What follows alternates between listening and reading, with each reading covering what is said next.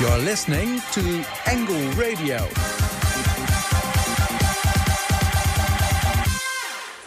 Good afternoon and welcome to The Angle, the weekly radio show run by students of the International Journalism minor. My name is Livia and here with my co host Emma. Emma, how are you doing today? Hey, yeah, I'm doing good. Enjoying the fall weather. It's definitely my favorite time of the year. This weather gives a great excuse for just cozying up on the couch with pumpkin spiced lattes. Yeah, summer is long gone, unfortunately. Um, anyways, today we're going to talk about dating applications as they're slowly but surely become more and more popular amongst young people. We're going to interview Denise van der Bay, who will also tell us about her personal experience. I hear we're in store for a funny story. And we'll explore both the good and the bad sides of it. But first, Brianna will tell us about the weather for the weekend. Today, the high of the day will be 12 degree and the low will be 4 degree. There is a high chance of rain, but the sun might peek out at times.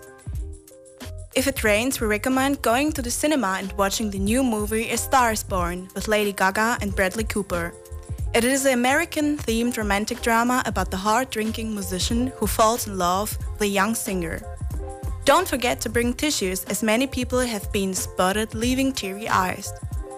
On, sun- on Saturday, the maximum temperature during the day will be again 12 degree and potentially the sun will come out.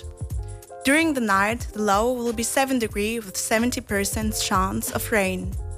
Lastly, Sunday will be 13 degree during the day, but unfortunately it will be very cloudy with, the, with light showers.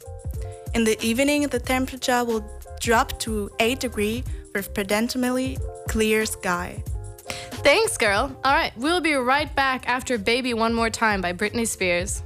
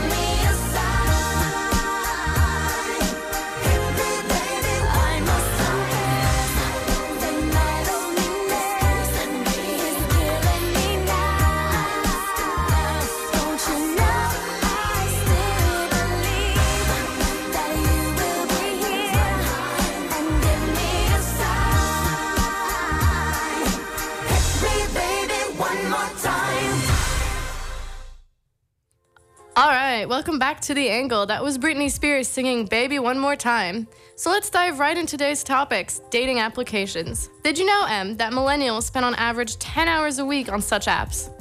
Yeah, I heard. Surprisingly, women actually use applications more frequently than men do.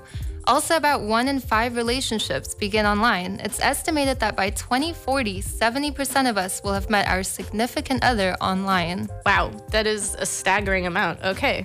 I mean, that doesn't surprise me. The industry is actually booming. In the States, it's generating over $2 billion worth of revenue every year. Have you ever used a dating app yourself, Em? I must admit, I have. I've used Tinder in the past. Also, Happn, actually. Um, but that's how I met my boyfriend. How about you? Oh, no way, that's too funny. Um, I have used Tinder as well, and I've met, um, well, my ex boyfriend now uh, there as well. So, Tinder is the most popular dating app in the Netherlands, um, with about 60% of single people using or stating that they have used the app at least once. So, let's listen to a Vox Pop about people's personal experiences. Because I heard it from friends and uh, they already met some girls over there, so I thought, well, I'll give it a try. No, it was more just for fun, because I didn't want a relationship back then, but I did want some girls. So I was just on Tinder to find girls and talk to girls and stuff. I was talking to a girl on Tinder and uh, we switched numbers and stuff. And uh, we met at a techno party called uh, Chateau. And, uh, but I only saw pictures of her head and her standing with friends. But she never told me how tall she was. So we uh, met and I was standing and there was this like really tall girl walking towards me and I was like, oh, she's tall and didn't mind. And then she was really walking towards me. I was like, oh, no, no, no. And it was her and she was like this. Yeah, you can't see it on the radio, but uh, she was one head bigger than me. so that was a kind of fail. So I was like standing there, hey, how's the weather up there? Um, started as a joke, actually.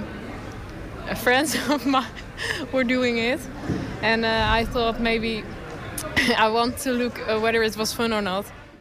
Yeah, to find uh, to find nice women. it doesn't work. I never get matches. Not a lot. No, yeah, really, really. No, no, it's the app is broke. I think. the app. Yeah, I think so. Yeah, but only on because never mine. I never get, never works. Uh, Tinder is just like in a, a, area you can choose your mouse around, and Happn is when you cross somebody, so you can see people you cross path with. Well, I I expect her to be older at first, and and she was really small, but on the picture she looked a bit taller, so that was for me disappointing. Uh, I, I used Tinder and Happn because I was bored a lot and a lot of friends recommended it because it was funny and stuff because you meet a lot of people in Amsterdam. So that was my most. I don't know. I, I don't have the feeling that you can find something serious on there. Oh, there are a lot of weird girls. They're also like, I don't know. They just ask a lot of random things, and I don't know. It just it, it's not personal. You just go straight to the point. From yeah, you want to do something, and most of the time I just didn't want to do it. I was too lazy just to to meet them, or I don't know. when I talk with them for a few days or something, then I yeah, I went out on a date, but nothing more than that. There's nothing involved. There's not that awkward moment of going to a bar and talking up to a girl, just swiping left or right. Well, all right. There's no. Yeah, there's nothing personal yeah. about it. I like, think. Oh, this uh, this girl looks nice. Swipe left. Sure. it's it's not like. Swipe right. Swipe right. I, I don't even know. Those were quite funny stories. Mm-hmm. I'm quite tall myself, so I always made sure to write how tall I am on my account. Definitely helped me avoid many awkward situations. Um, anyways, I actually met my current boyfriend on Tinder about a year ago. I remember he super liked me, which I was really flattered about. Um, after having talked for two weeks, which is quite long considering we were strangers, um, I feel like I knew him. He became my kind of online friend who I had a secret crush on um, but didn't really know, of course. Um, I was worried about meeting him in person. Thoughts like, oh, what if he doesn't think I'm skinny enough or look like my photos? Um, but of course, those only reflected um, my own insecurities and not actually what he was thinking. Um, but I guess this is where there's this kind of darker side to dating apps as well. Yeah, no, that's that's a very fair point. We're actually going to explore the darker side of dating applications right after this song, I'm Not the Only One by Sam Smith.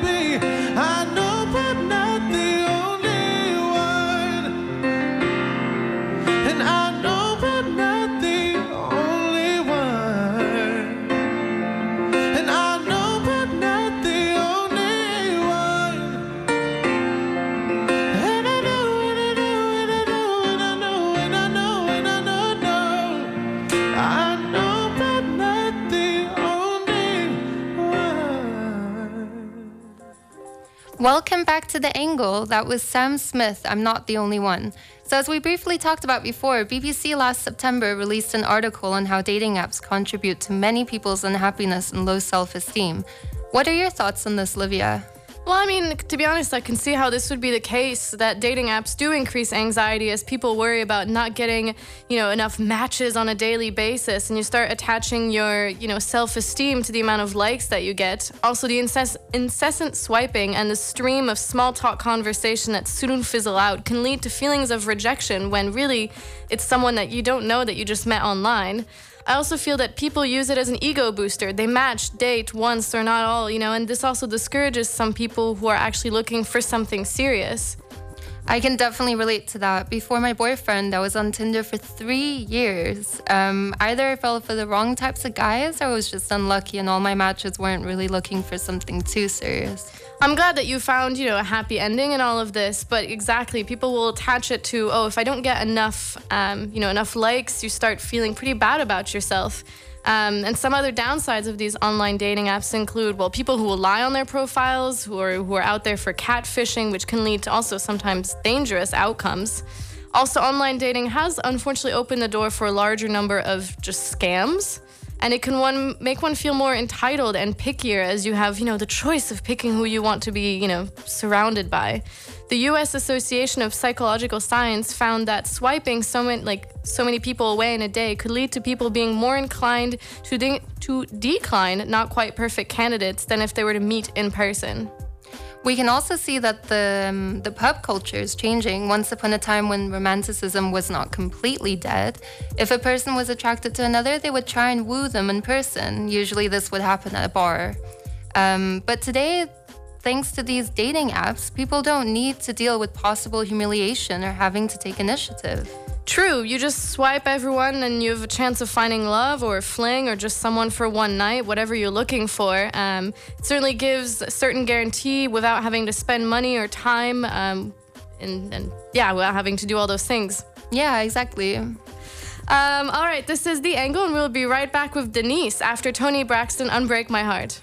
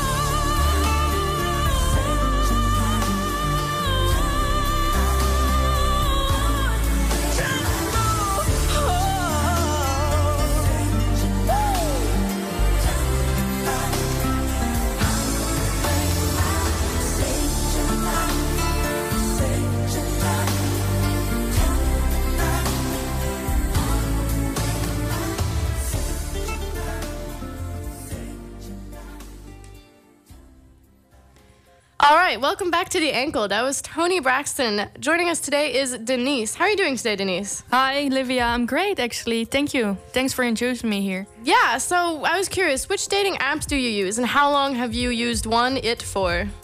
Uh, I started using dating apps, I think, like uh, a year ago because I uh, just came out of a rough breakup. Um, I had a relationship for like the last three years, and then I thought about using Tinder. All right. And why do you use what brought you onto Tinder? Why do you use such an application? Well, in the first place, I was just very sad because, yeah, I just uh, had a breakup and just I wanted to find some company, I think. And then after a couple months, um, I decided I maybe wanted to um, get something like a serious relationship again. But yeah, I found out that Tinder is not the place for that, I guess. So tell us about your personal experience with Tinder. Is there any stories that stand out that you could share with us today? Well, um, yeah, I've talked to like um, many guys on Tinder, uh, and um, I think I had one day that was really so like very horrible. Um, I was talking to a guy for around I think three weeks now, what's kind of a lot on Tinder, and um, we decided to meet up. Um, we spoke to each other in a bar. And after that, we went to the cinema. But actually, like when we uh, were in a bar, he wasn't really saying anything to me. It was really all silences, and I was just trying, trying to make the best of it, but it was just not working out.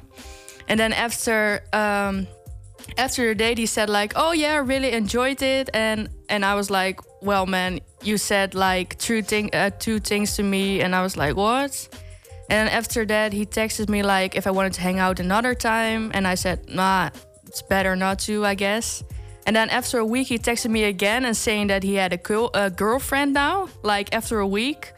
And then um, I just looked on his Facebook page like a few, I think, weeks ago, and I saw that he's actually gay now and he also dresses up like a girl sometimes.